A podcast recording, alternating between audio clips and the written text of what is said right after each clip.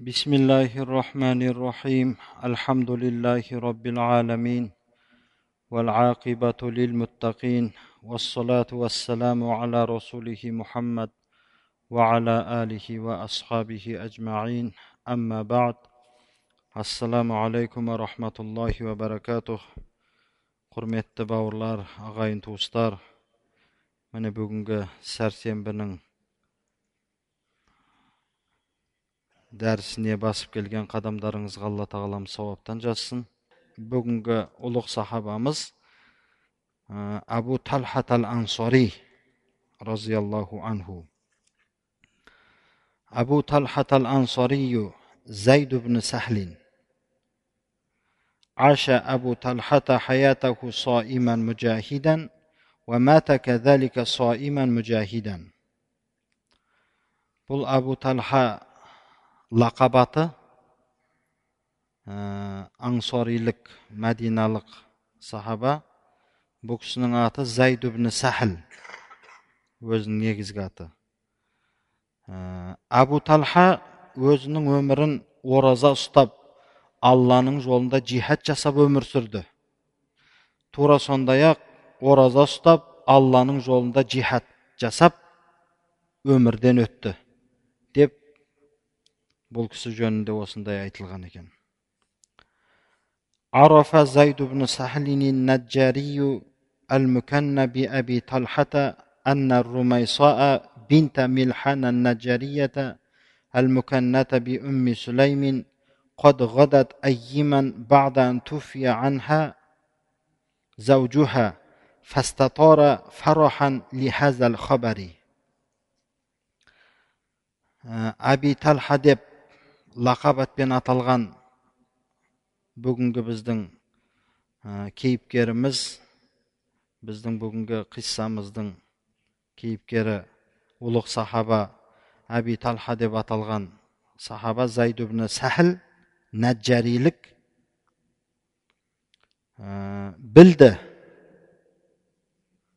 Милханның қызы болған румайса румайса енді аты.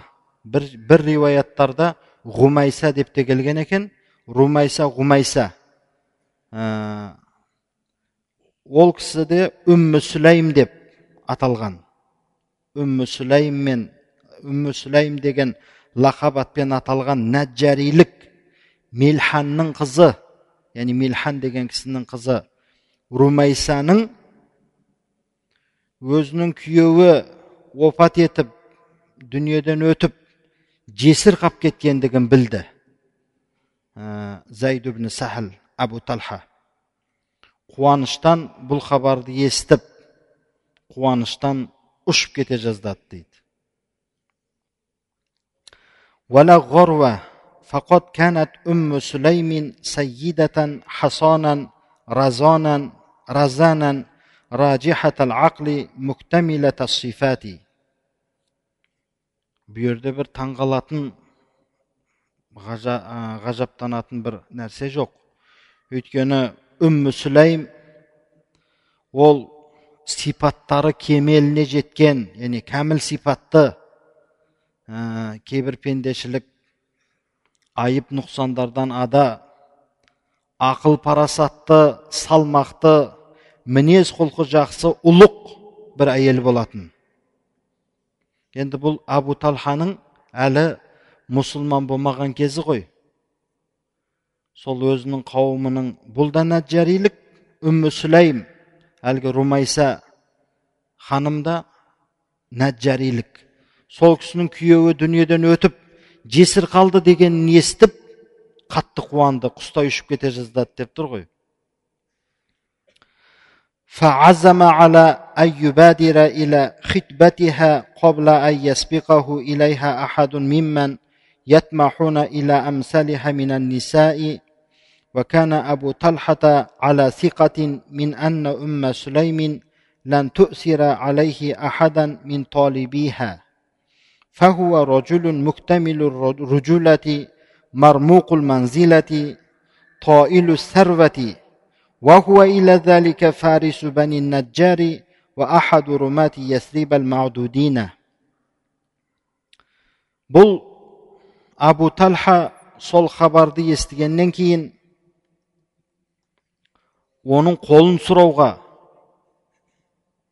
оның қолын сұрауға асығыс баруға ниет қылды өйткені бұған ұқсаған осы сипаттағы әйелдерге ентілетін басқа да бір кейбіреулер сияқты басқа бір адам бұған ертерек барып қолын сұрап қоймасын деп бұдан алдын біреу барып қоймасын деп асығып үммі сүләйімге қолын сұрауға асығып барды. Бармақшы болды ниет қылды. Және абу талха сенімді еді үммі сүләйім бұл абу талхаға яғни абу талхадан басқа бір ешкімді артық көрмейді әлбетте мені таңдайды деген сенімде еді ол өйткені бұл абу талха өз қауымының ішінде бұл да кемеліне жеткен ер азамат басқалар қарағанда таңғалып қарайтын бір орны бар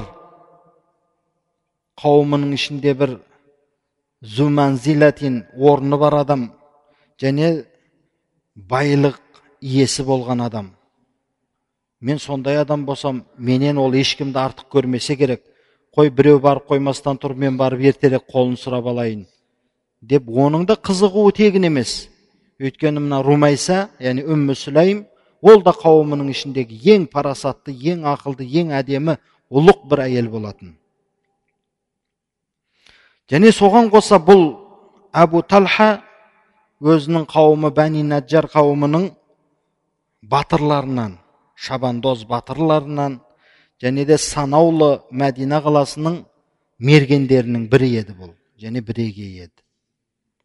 Енді өзінің сол мықтылығына сеніп ойлап тұр ғой. Ай ол сүләйім менен басқа ешкімді таңдамайды менен ешкімді артық қоймайды. Дегенмен менің алдыма біреу түсіп кетпесін ертерек барып қолын сұрап маған некелесуге қолын сұрайын деп ниет қылды мазо абу талхата иля бәйти үммі сүләйім міне сол оймен абу талха үммі сүләйімнің үйіне кетті وفيما هو في بعض طريقه تذكر أن أم سليم قد سمعت من كلام هذا الداعية المكي مصعب بن عمير فآمنت بمحمد واتبعت دينه солай жолда келе жатып ол есіне түсіп кетті әбу талханың бұл үммі сүләйім анау меккеден келген дағуатшы мұсаб ибн умайрдың сөздерін естіп мұхаммад алейхисаламға иман келтіріп мұхаммад алейхисаламның дініне кірген әйел екендігі есіне түсіп кетті енді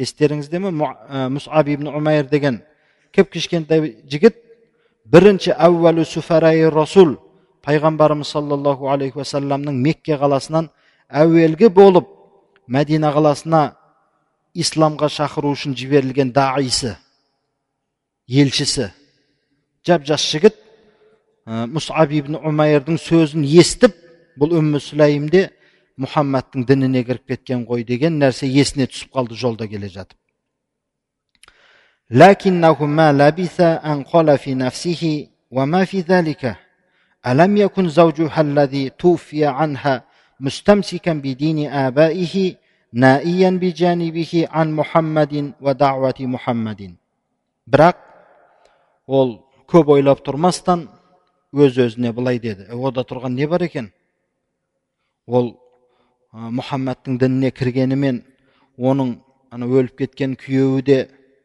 өзінің ата бабаларының дінін ұстап мұхаммадтың дінінен мұхаммадтың дауатынан өзін алып қашып одан жырақта жүрді ғой ол да. Деген нәрсе өз өзіне нәпсіне солай не берді ғой енді бұл. Басу басу айтып. Онда тұрған не бар екен? Мен өзге енді өзінің ата бабаларының діні деген ана бұтқа сыйынатын мүшриктік қой енді ол сол оймен қысқасы не керек абу талха үммі сүләйімнің үйіне кетті енді жолда кетіп бара жатып өз өзімен өз нәпсімен сөйлесіп бара жатыр ғой енді بلغ أبو طلحة منزل أم سليم واستأذن عليها فأذنت له وكان ابنها أنس حاضرا فعرض نفسه عليها فقالت إن مثلك يا أبا طلحة لا يرد lakinni lan atazavvajaka fa anta rajulun kafirun abu talha үмі сүләйімнің үйіне жетті үйінің ішіне кіруге рұқсат сұрады ізін сұрады үмі сүләйім кіруге рұқсат берді үмі сүләйімнің қасында әнәс баласы да қасында еді әнәс ибн мәлик разиаллаху анху үммі сүлайымның баласы мына анас ибн мәликті білесіздер ғой бірінші оқыған сахабамыз сөйтіп абу талха үммі сүлайымге өзінің келген ойын айтты енді осылай мен сіздің күйеуіңіздің дүниеден өткенін естіп жесір қалғаныңызды естіп сізді өзімнің некеме алуға келдім деп жөнін айтты сол кезде үммі сүлайым былай дейді әлбетте әби талха әбу талха саған ұқсағандар беті қайтарылмайды негізі неге сенің бетіңді қайтарайын деп тұрған жоқпын бірақ мен саған еш еш күйеуге шықпаймын өйткені сен кәпір адамсың ғой деді فظن أبو طلحة أن أم سليم تتعلل عليه بذلك وأنها قد آثرت عليه رجلا آخر أكثر منه مالا ау аазза нафаран сол оймен әбу талха күмәнға күмәнда қалды яғни ойланып қалды. Бұл үммі сүләйм осыны сылтау қылып жатыр жай ғана. Менің өзге дінде екендігімді сылтау қылып жатыр. Өйткені оның да күйеуі сол мұхаммадтың дінін мұхаммадтың дағуатынан ұзақта жүріп ақ өліп кетті ғой. Әй бұны сылтау қылып жатыр бұл. Бұл менен басқа бір малы көп ә, жаңағы ағайын туысы көп құрметті менен басқа бір адамды таңдаған екен ғой бұл деген ойға қалды енді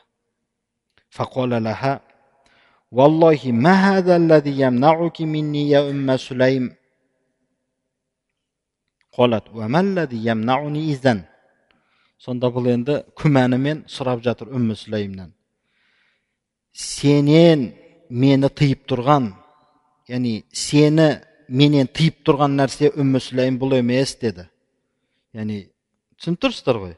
Бұл емес деген менің өзге дінде болып сенің мұхаммадтың дінінде болғаның емес сені менен тыйып тұрған нәрсе. Деп еді сүлайым айтып жатыр ал олай болса не мені тыйып тұр сенен? Өзің қалай ойлайсың? деді. Сонда қола әл асфару вал физзату алтын күміс сені менен тыйып тұр. Демек сен менен байырақ бір адамды таңдадың ғой деп өзінің ойын айтып салды енді бұл. Яғни сары ақ алтын күміс.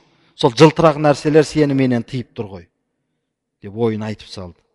Қолат үмі сүлейм айтты. Алтын күміс дейсің ба? Қола наам иә. Сені негізі менен тыйып тұрған сені маған күйеуге шықпаймын деп тұрғаныңның себебі сен алтын күмісі көп бай бір адамды таңдап менен бас тартып тұрсың ғой деп енді бұл ойы сол жаққа қарай кетіп қалды енді бұл абу талханың қолат бәл إني أشهدك يا أبا طلحة وأشهد الله ورسوله أنك إن أسلمت رضيت بك زوجا من غير ذهب ولا فضة وجعلت إسلامك لي مهرا فما إن سمع أبو طلحة كلام أم سليم حتى انصرف ذهنه إلى صنمه الذي اتخذه من نفيس الخشب وخص به نفسه كما كان يفعل السادة من قومه сонда үммі сүлейм айтты бәлки мен сені я аба талха яғни саған куәлік беремін алла тағаланы алла тағаланың расулына ортаға қойып куәлік беремін енді қасам ішіп айтып жатыр ғой сен егер ислам келтірсең ислам дініне кірсең мен саған алтын күміссіз ақ күйеуге шығуға разы боламын. Сенің исламың мен үшін мәһір болады деді. Сен алтын күмісті ойлап тұрсың ба? Жоқ сен ойлағандай емес. Сен егер ислам дінін қабылдасаң мен саған ешбір алтын күміссіз ақ күйеуге тиемін. Сенің және маған беретін мәһірің сол ислам болады деді. Ол замандарда енді көп көп мал дүниені мәһір жаңағы ортаға мәһір қойған ғой енді. Енді қазір де бар ғой енді мәһір шамасы жеткен ә, байлығына қарай жаңағы алатын әйеліне құрметпен мәһір беріп жатады мәселен. Соны айтып тұр ғой жоқ сен ойлама мен алтын күмісіңе қызығып тұрған жоқпын. Енді бұл да медина қаласының бір бай адамы абу талха. Бірақ ойында тұр менен де байырақ біреуді таңдадым екен деп тұр ғой енді бұл жерде. Мына сөзді естігеннен кейін абу талха үммі сүлайымның мына сөзін естігеннен кейін оның енді ойы өзінің үйінде тұрған бұтына санамына түсті енді. Ана қымбат керемет ағаштан жасалған ана ресейдің орманындағы ағаштар сияқты ғой енді. Біздегі ағаштардан гөрі енді ол жақтағы ағаштар керемет сапалы ғой сол сияқты өзінің бір керемет ағаштан жасалған санамын бұтын есіне алды. Яғни өзіне нәпсіне хас арнаған басқа да өзінің қауымының ұлылары өз өздеріне бір бір бұтты иелік жасап соған барып сырласып соған барып табынып соған білгенін істейтін еді ғой енді жахилият дәуірінде. Ана бір алдыңғы бір сахабаның өмірінде келіп еді ғой анау барып иттің басын байлап шұңқырға лақтырып тастайды таңертең барып тазалап жуып шайып қайтып қойып қояды. Түнде бала шағасы ұрлап апарып тағы лақтырып тастайды. Сол сияқты сол кездегі надандықтың шегіне жеткені соншалық әрбір ә, жаңа жағдайы бар шамасы келетін адамдар керемет әшекейлеп иіс суды себіп үстіне бір әдемі маталардан киімдерді жауып бір бір бұтты ұстаған ғой. لكن أم سليم أرادت أن تطرق الحديد وهو ما زال حاميا فأتبعت تقول ألست تعلم يا أبا طلحة أن إلهك الذي تعبده من دون الله قد نبت من الأرض؟ فقال بلى. أم سليم sulaym temirni istig'inda bosmoqchi bo'ldi endi қазақта да бар ғой темірді ыстығында соқ деп. Ә, өйткені абу талха енді ойға кетіп қалды ғой ана сөзден кейін. Сен егер исламға келсең мен саған ешбір алтын күміссіз ақ күйеуге тиемін. Сенің мәһірің ислам болсын дегеннен кейін енді бұның ойы енді ана санамында тұр. Ана санамымды қайтем деп тұр ғой бұтымды. Сондай сәтті пайдаланып мен қазір темірді ыстығында басып қалайын деп үммі сүлайм ары қарай жалғастырып сөйлеп кетті. Абу талха сен білесің бе білмейсің бе сенің сыйынып жатқан алладан басқа сенің сыйынып жатқан мына тәңірің иләһің құдайың ол ана жерден өсіп шыққан өсімдік екенін білмейсің енді ағашты айтып тұр ғой. Иә білемін де, жерден өсіп шыққан ағаш екенін. Қолат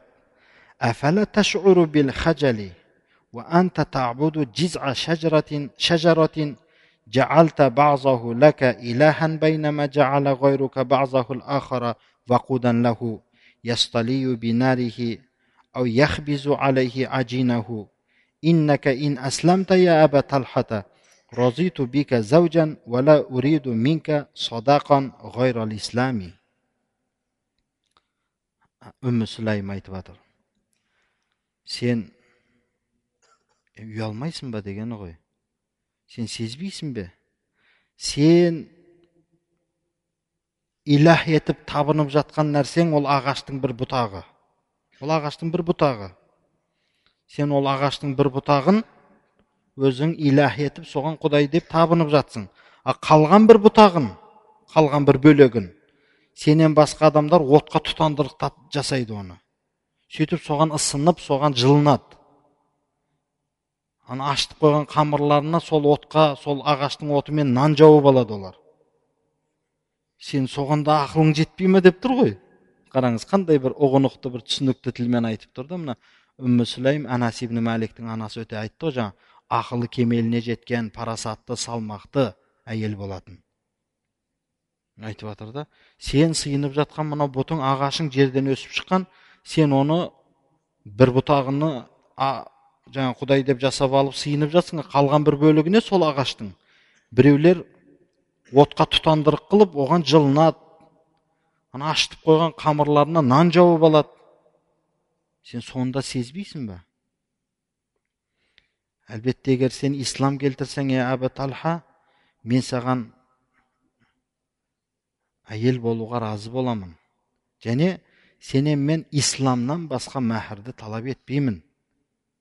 деп үдемелетіп жаңа темірді қызған шағында басып жатыр енді قال ومن لي بالإسلام قالت أنا لك به قال وكيف قالت تنطق بكلمة الحق فتشهد أن لا إله إلا الله وأن محمدا رسول الله ثم تمضي إلى بيتك فتحطم صنمك ثم ترمي به فانطلقت أسارير أبي طلحة وقال أشهد أن لا إله إلا الله وأن محمدا رسول الله ثم تزوج من أم سليم кейін бұның ақылына әлгі сөздер әсер етті қонды сөйтіп сұрады маған исламды кім үйретеді деді үмі сүлейм айтты мен үйретемін саған исламды қалай деді сен деді хақ кәлимасын айтасың куәлік бересің алладан басқа тәңір жоқ. Мұхаммад оның елшісі деп куәлік бересің сөйтесің де үйіңе барасың да ана бұтыңды санамыңды сындырып сындырып лақтырып тастайсың деді. Міне осы исламға келген деді. Сол кезде әбу талханың жүзінде бір қуаныш пайда ана қуаныш көріне бастады. Сол замат сол замат ашхаду ла илаха иллаллаху ашхаду анна мұхаммадан расулулла деп кәлима келтіріп үммі сүлеймге үйленді сол жерде فكان المسلمون يقولون ما سمعنا بمهر قط كان أكرم من مهر أم سليم فقد جعلت صداقها الإسلام сол кезде мұсылмандар айтып жүрді біз еш уақытта бұндай мәһірді естімеген едік үммі сүлейімнің мәһірінен де жақсырақ үммі сүлейімнің мәһірінен де құрметтірек мәһірді естімеген едік ол өзінің мәһіріне исламды сұрады деді негізі некеде әйел кісінің мәһір сұрауға хаққы бар мына затты әперіңіз деп күйеуінен сонда ана үммі сүлейімнен үммі сүлейім абу талхадан исламды мәһір беруге сұрады ғой мұсылмандар сол үшін айтты бұндай құрметті бұндай керемет мәһірді көрген жоқпыз естіген жоқпыз деді расында да қарап тұрсаңыз а منذ ذلك اليوم انزوى أبو طلحة تحت لواء الإسلام ووضع طاقته الفذة كلها في خدمته. فكان أحد السبعين الذين بايعوا رسول الله صلى الله عليه وسلم بيعة العقبة ومعه زوجه أم سليم.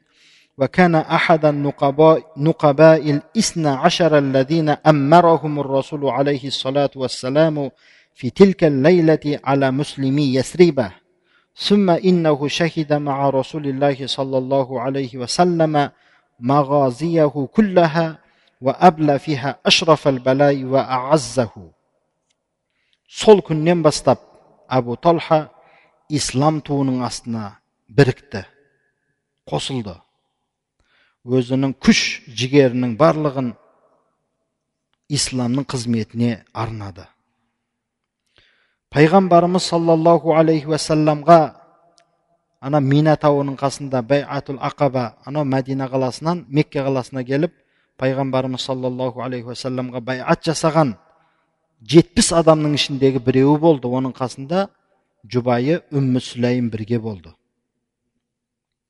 және сол түні байат жасаған түні сол мәдинадан келген жетпіс адам ғой сол жетпіс мәдина қаласынан келген мұсылмандарға сол түні пайғамбарымыз саллаллаху алейхи уассалам әмір қылып бекіткен 12 адамның бірі болды.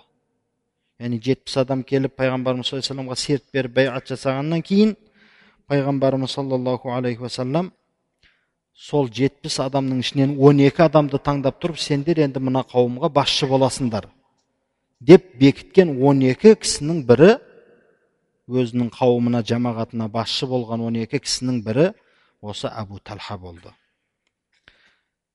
Және сол күндерден кейін пайғамбарымыз саллаллаху алейхи уассаламға барлық бірге барлық ғазаттарға соғыстарға қатысты.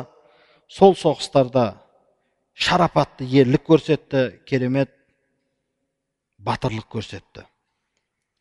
لكن أعظم أيام أبي طلحة مع رسول الله صلى الله عليه وسلم إنما هو يوم أحد وإليك خبره في ذلك اليوم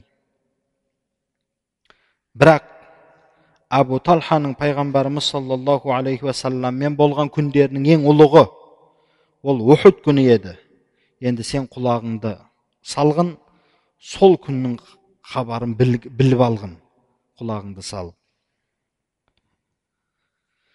أحب أبو طلحة رسول الله صلى الله عليه وسلم حبا خالط شغاف شغاف قلبه وجرى مجرى الدم من عروقه فكان لا يشبع من النظر إليه ولا يرتوي من الاستماع إلى عزب حديثه وكان إذا بقي معه جس بين يديه وقال له نفسي لنفسك الفداء ووجهي لوجهك وجهك الوقاء.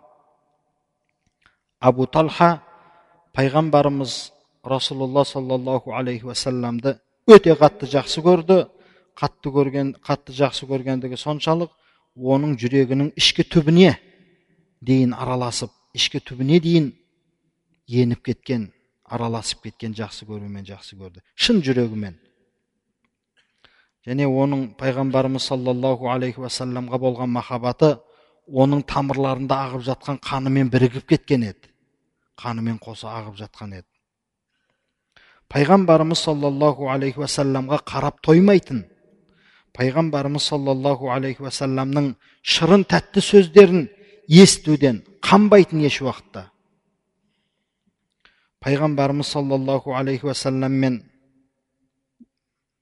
қалып бірге жеке қалатын болса тізелеп пайғамбарымыз алейхисаламның алдына отырып алып сіздің нәпсіңізге менің нәпсім фида болсын сіздің жүзіңізге менің жүзім тосық болсын яғни сіздің жүзіңізге тиетін нәрсе менің жүзіме тисін жаным сіздің жаныңыз үшін пида болсын деп расулалла саллаллаху алейхи уассаламға өзінің сондай махаббатын өзінің сондай ықыласын көрсетіп тізелеп отырып алып айтады екен فلما كان يوم أحد انكشف المسلمون عن رسول الله صلى الله عليه وسلم فنفذ إليه المشركون من كل جانب فكسروا رباعيته وشجوا جبينه وجرحوا شفته وأسالوا الدم على وجهه حتى إن المرجفين أرجفوا بأن محمدا قد قتل فازداد المسلمون وحنا على وحن وأعطوا ظهورهم لأعداء الله عند ذلك لم يثبت مع رسول الله صلى الله عليه وسلم غير نفر قليل في طليعتهم أبو طلحة Ухуд күні мұсылмандар расулулла саллаллаху алейхи уассаламның айналасынан ажырап қашықтап кетті қашып енді өйткені арттан келіп соққы болды ғой ухуд соғысын білесіздер мүшриктер әр тараптан пайғамбарымыз саллаллаху алейхи уассаламның жанына жетіп қалайын деді пайғамбарымыз саллаллаху алейхи уассаламның екі бірдей тісін сындырды мына азу тістің жанындағы екі тісін сындырды пайғамбарымыздың пешенесін маңдайын жарды пайғамбарымыздың ернін жарақаттады пайғамбарымыздың жүнінен қан бетінен қан аққызды мүшриктер. Өте сондай ауыр жақындап қалды пайғамбарымыз саллаллаху алейхи уассаламға керек болса кейбір сөз тоқитын жалғаншылар мұхаммад саллаллаху алейхи уассалам өлтірілді дегенде сөзді тарқатып жіберді сол жерде. Иманы әлсіз кейбір жалғаншылар. Мұсылмандар болса әлсіреген үстіне әлсіреп кетті. Расулалла өлген болса деп шарасыз қалды. Сөйтіп сондай жағдайлармен дұшпанға арқаларын беріп қаша бастады. Яғни атау зухурахум деген арқаларын беріп дегені біреуден қашса адам алдымен қашпайды ғой ол артымен қашады ғой. Алдына түсіп қашып бара соның арқасын дұшпан көріп бара жатады. Соны айтып жатыр. Арқасын беріп дұшпанға қашып кеткен жағдайлар болды кейбір. Сол сәтте пайғамбарымыз саллаллаху алейхи уассаламның қасында аз ғана адамдар қалды соның басында тұрған абу талха еді аз ғана бір он шақты ғана кісі пайғамбарымыздың айналасында қорғап солардың басында бірінші болып пайғамбарымызға жанын беріп жанын құрбан етіп пида етіп жан берісіп тұрған сол абу талха еді انتصب أبو طلحة أمام رسول الله صلوات الله عليه كالطود الطود الراسخ بينما وقف النبي عليه الصلاة والسلام خلفه يتترس به ثم وتر أبو طلحة قوسه التي لا تفل وركب عليها سهامه التي لا تخطئ وجعل يزود بها عن رسول الله صلى الله عليه وسلم ويرمي جنود المشركين واحدا إسر واحد. أبو طلحة پیغمبرمز صلی الله علیه و سلم نن oldinda мызғымас таудай болып қақайып тұрды. Пайғамбарымыз саллаллаху алейхи уассалам болса оның алдын, артында оны бір қалқан қылып тұрды дейді. Бихи деген абу талха құдды бір пайғамбарымыз саллаллаху алейхи уассаламға қалқан тәрізді. Кейін абу талха өзінің садағын керіп тартып яғни мекем қимылдамайтын дірілдемейтін садағын мекем тартып мына сөздің басында айттық қой мәдина қаласының санаулы мергендерінен бірі еді сөйтіп сол садақ қате кетпейтін садақ оғымен керіп тұрып тартып пайғамбарымыз саллаллаху алейхи уассаламды қорғап мүшриктерге садақ оқтарын атар еді. Бірінен кейін бір садақ оғын жөнелтер еді мүшриктерге қарай. وكان النبي عليه الصلاة والسلام يتطاول من خلف أبي طلحة ليرى مواقع سهامه فكان يرده خوفا عليه ويقول له بأبي أنت وأمي لا تشرف عليهم فيصيبوك пайғамбарымыз саллаллаху алейхи уассалам болса абу талханың артынан оның жаңа оқтарының орындарын тиген жерлерін көру үшін былай мойнын созып былай қарайды екен пайғамбарымыз алейхисалам ол енді алдында қалқан құсап тұр. Сонда қорқып пайғамбарымыз саллаллаху алейхи уассаламға бір нәрсе болып қалмасын деп қорқып пайғамбарымызға айтады екен. Я расулаллах ата анам сізге фида болсын. Былай мойныңызды созбаңызшы.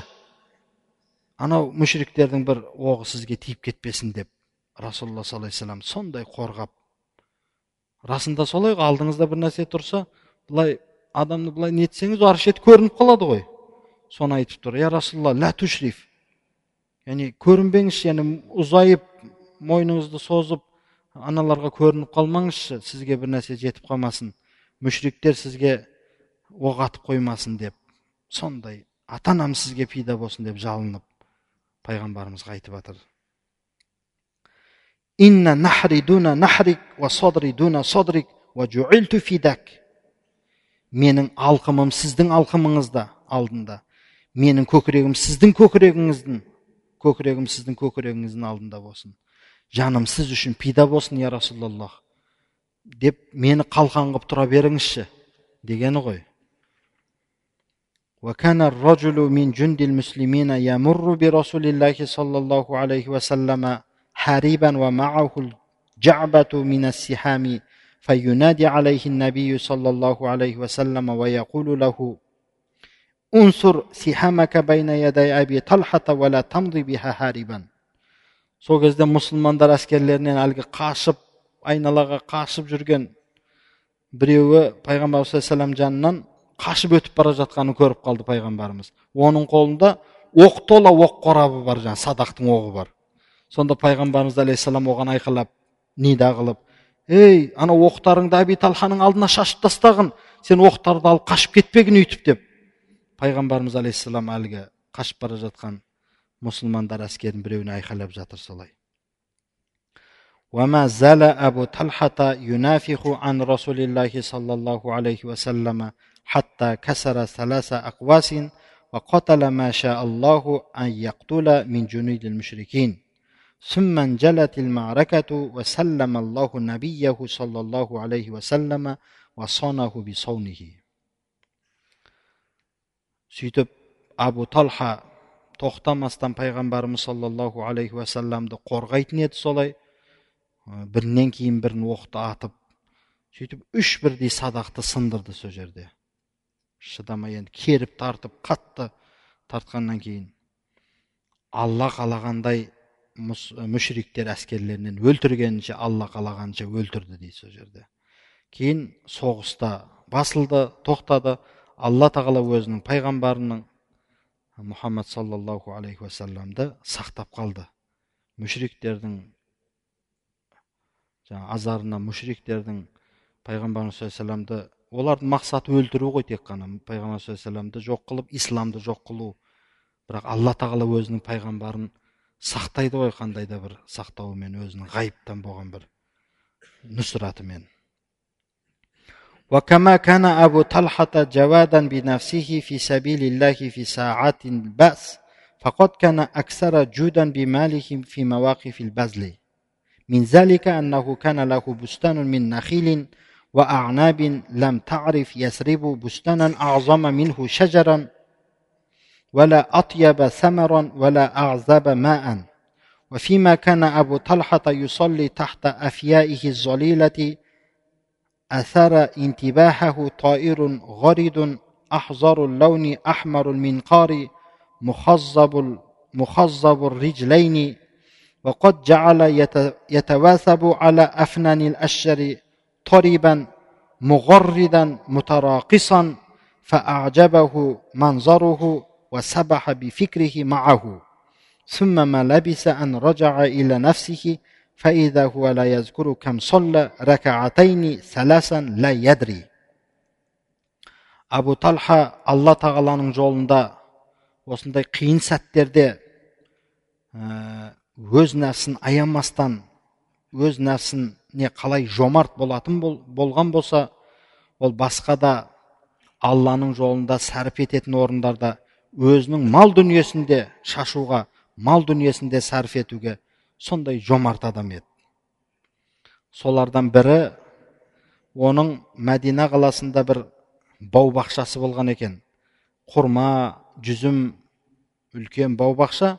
Мәдина қаласында ағашы көп жемісі шырын суы тәтті. Одан үлкен бақшаны мәдина қаласында болмаған. Сондай керемет үлкен бақшасы болған екен бау бақшасы. Бір күні әбу талха өзінің сол бау бақшасындағы көлеңкелі саялы ағаштардың астында намаз оқып тұрып оған оның назарын ә, тұмсығы қызыл көк түсті аяқтары боялған сайрайтын бір құс оның назарын аударды назарына әсер етті намаз оқып тұрған жерінде.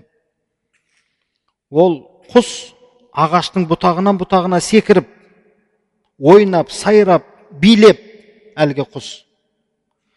Бұл енді құстың сол көрінісі бұны енді таңғалдырып ойға шомып кетті сол жерде тұрып бұл. Енді адамның ойы бөлінеді ғой әлгі құс бұтақтан бұтаққа секіріп сайрап жүргенде қандайдыр бұның енді ойы бөлініп ойға шомып кетті сөйтіп өз нәпсіне өзі сұрақ қойып қанша рәкаат намаз оқығанын есіне аламай қалды екі рәкат па үш рәкат па білмей қалды қанша рәкат намаз оқығандығын فما إن فرغ من صلاته حتى غدا على رسول الله صلى الله عليه وسلم وشكى له نفسه التي صرفها البستان وشجره الوارف وطيره الغريد عن الصلاة ثم قال له اشهد يا رسول الله أني جعلت هذا البستان صدقة لله تعالى فضعه حيث يحب الله ورسوله сөйтіп намазынан босап пайғамбарымыз саллаллаху алейхи уассаламның алдына барып өз нәпсіне өзі шағым айтып сол нәпсі оны анау бау бақшасы бұрып қойды ғой нәпсін алаңдатып қойды ғой. Сол өзінің нәпсіне өзі шағым айтып сол бау бақшасының ішіндегі жасыл ағаштар ә, сайрап жүрген құстар бұның намаздан назарын бөліп қойғандығын өз нәпсіне өзі той, тоймастан көңілі толмастан пайғамбарымыз саллаллаху алейхи уассаламның алдына шағым айтып барды.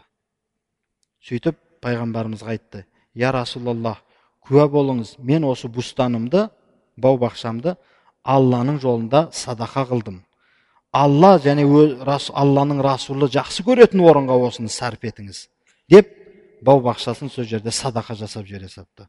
Сонда бір ғана намазда тұрып менің намазымнан алланың зікірінен назарымды бөліп тастады ау мынау бау бақша соның ішіндегі жасыл ағаштар мен құстар. Деді де сол бау бақшасын намаздан босабақ барып пайғамбарымыз алейхисаламға барып куә болыңыз я расулалла мынаны алла және алланың расулы разы болатын жақсы көретін орынға қалағаныңызша пайдаланыңыз оның ішінде қаншама жеміс жидек бар. Соны садақа қылып жіберді. Міне бұның жомарттығы. Аша абу талхата хаятаху соиман мужахидан мата кадалика соиман мужахидан абу талха ораза ұстап алла тағаланың жолында соғысып жүріп өмір сүрді тура солай ораза ұстап соғысып жүріп дүниеден өтті فقد أسر عنه أنه بقي بعد وفاة رسول الله صلى الله عليه وسلم نحو من ثلاثين عاما صائما لم يفطر إلا في أيام الأعياد حيث يحرم الصيام расында хабар қалған екен ол абу талха пайғамбарымыз саллаллаху алейхи уассаламның дүниеден өткеннен кейін 30 жылға 30 жыл шамасында пайғамбарымыздан кейін 30 жыл шамасында тек қана ораза ұстап өткен екен аузын ашпастан тек қана айт күндерінде ораза ұстау харам болған айт күндерінде ғана аузын ашып қалған бүкіл күнде аузын ашпастан ораза ұстап өткен екен وأنه امتدت به الحياة حتى غدا شيخا فانيا لكن شيخوخته لم تحل دونه ودون مواصلة الجهاد في سبيل الله والضرب في فجاج الأرض إعلاء لكلمته وإعزازا لدينه оның өмірі жеткен жеріне дейін қанша өмір сүрген болса ол жасы жеткен қария болғанша бірақ оның қариялығы оның жасының кекселігі оны мен алла тағаланың жолында жихад жасауының арасын үзіп қоя алмады бөліп қоя алмады. Алла тағаланың кәлимасын ұлықтау үшін алла тағаланың дінін құрметтеп өз дәрежесіне көтеру үшін жер жүзін жер бетін сафар қылып алла тағаланың жолында жихад жасаудан бұның қарттығы тосып қоя алмады. Бұл қария кезінде де жас кексе кезінде де жастармен бірге жихадтарға шығып кетіп жүрді. من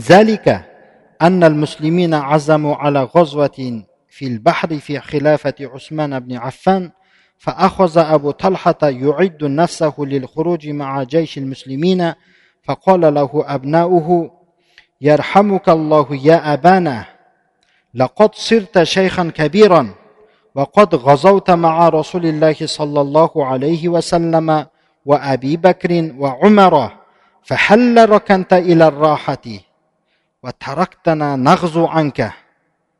فقال إن الله عز وجل يقول أستعذ بالله انفروا خفافا وثقالا وجاهدوا بأموالكم وأنفسكم في سبيل الله ذلكم خير لكم إن كنتم تعلمون فهو قد استنفرنا جميعا شيوخا وشبانا ولم يحدد لنا سنا сол бұның жаңағы жасы кекселігінде де бұны оның жасының кекселігі жихадтан тосып қоймағанына бір мысал мұсылмандар хазіреті усман разиаллаху анхудың халифалық дәуірінде теңіздің үстінде, үстінде жүріп бір соғысатын бір ғазатқа шыққан кезде бұл абу талха да өзінің нәпсін мұсылмандар әскерімен бірге ғазатқа шығуға дайындады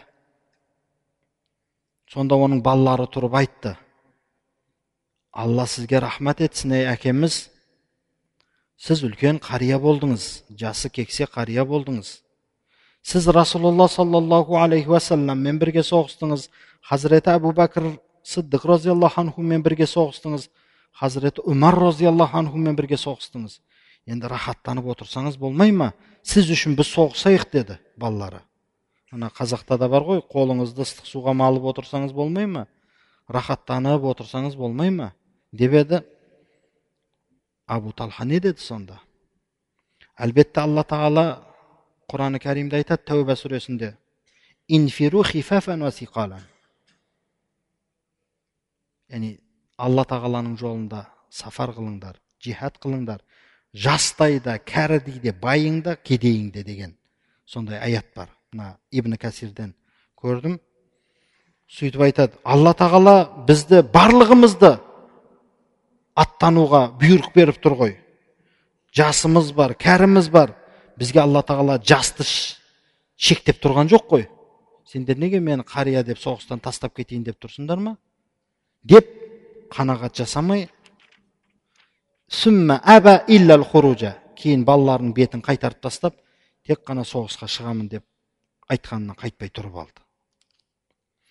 وبينما كان الشيخ المؤمر أبو طلحة على ظهر السفينة مع جند المسلمين في وسط البحر مرض مرضا شديدا فارق على إثره الحياة. فطفق المسلمون يبحثون له عن جزيرة ليدفنوه فيها فلم يعثروا على مبتغاهم إلا بعد سبعة أيام وأبو طلحة مسجن بينهم لم يتغير فيه شيء كأنه نائم. Не керек қария шайх абу талха кеменің үстінде мұсылмандар әскерімен бірге теңіздің ортасында соғысқа аттанып кетіп сол теңіздің орта тұсында қатты бір ауруға шалдығып сол аурудың артынан бұл өмірмен қош айтысты мұсылмандар оны көму үшін теңіздің ортасы ғой енді бір құрық құрлық бір жер іздеді теңіздің ортасы мына жағыда еш жағы көрінбейтін үлкен теңізде жүр. Олар өздерінің іздеген құрлық арал дейміз ғой кішкене. Сол жерге ұшырамады тек қана жеті күннен кейін ғана сондай құрлық жерге ұшырады. Абу талха болса олардың араларында мұсылмандардың арасында сол кеменің үстінде кебінге оралып жататын еді. Еш нәрсе өзгермеді ол кісіден. Ешқандай өзгеріс білінбеді тура ұйықтап жатқан адамдай болды адам ол бір күннің ішінде иістеніп те кетеді ғой тура ұйықтап жатқанда еш нәрсе өзгерместен жеті күн кебінде сол мұсылмандардың арасында әлгі құрық көметін жер табылғанға дейін жүрді демек білеміз біз абу талха қай жерде көмілді ол бір теңіздің ортасындағы бір құрлық жерге көмілді وفي عرض البحر بعيدا عن الأهل والوطن نائيا عن العشير والسكن дуфина абу талха дейді. Теңіздің ортасында жанұясынан отанынан алыс жырақта ағайын туыс бірге тұратын ағайын туыстарынан жырақта абу талха көмілді жерге.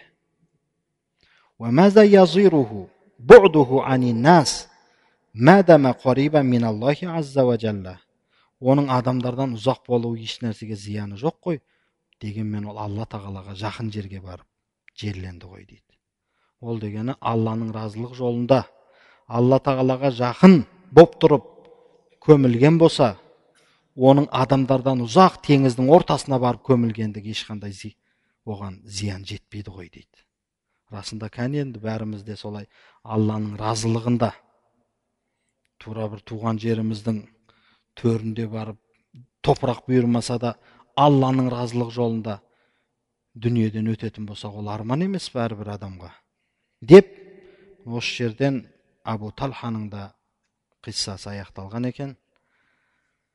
Міне нағыз расулалла саллаллаху алейхи уассаламға деген жанпидалықты көрсете білген үлгі бола білген бір парасатты әйелге деген өзінің ентілуінің арқасында ислам дінін қабылдап сол ислам дінінде қаншама үлкен алланың разылығына кенелген абу талха деген сахабаның өмірін демек бұл кісінің өз аты зәйд ибн сәхіл бүгін қанық болдық алла разы болсын وآخر دعوانا أن الحمد لله رب العالمين ربنا فاغفر لنا ذنوبنا وكفر عنا سيئاتنا وتوفنا مع الأبرار يا رب الله يا жаратушиеміз осы айтылып жатқан ұлық сахабалардың өмірін біздерге ұлық дәрежеде үлкен дәрежеде үлгі өнеге болуын аллам өзің нәсіп еткін біздердің жүректеріміздегі имандарымызды алла тағалам өзің күшейткін.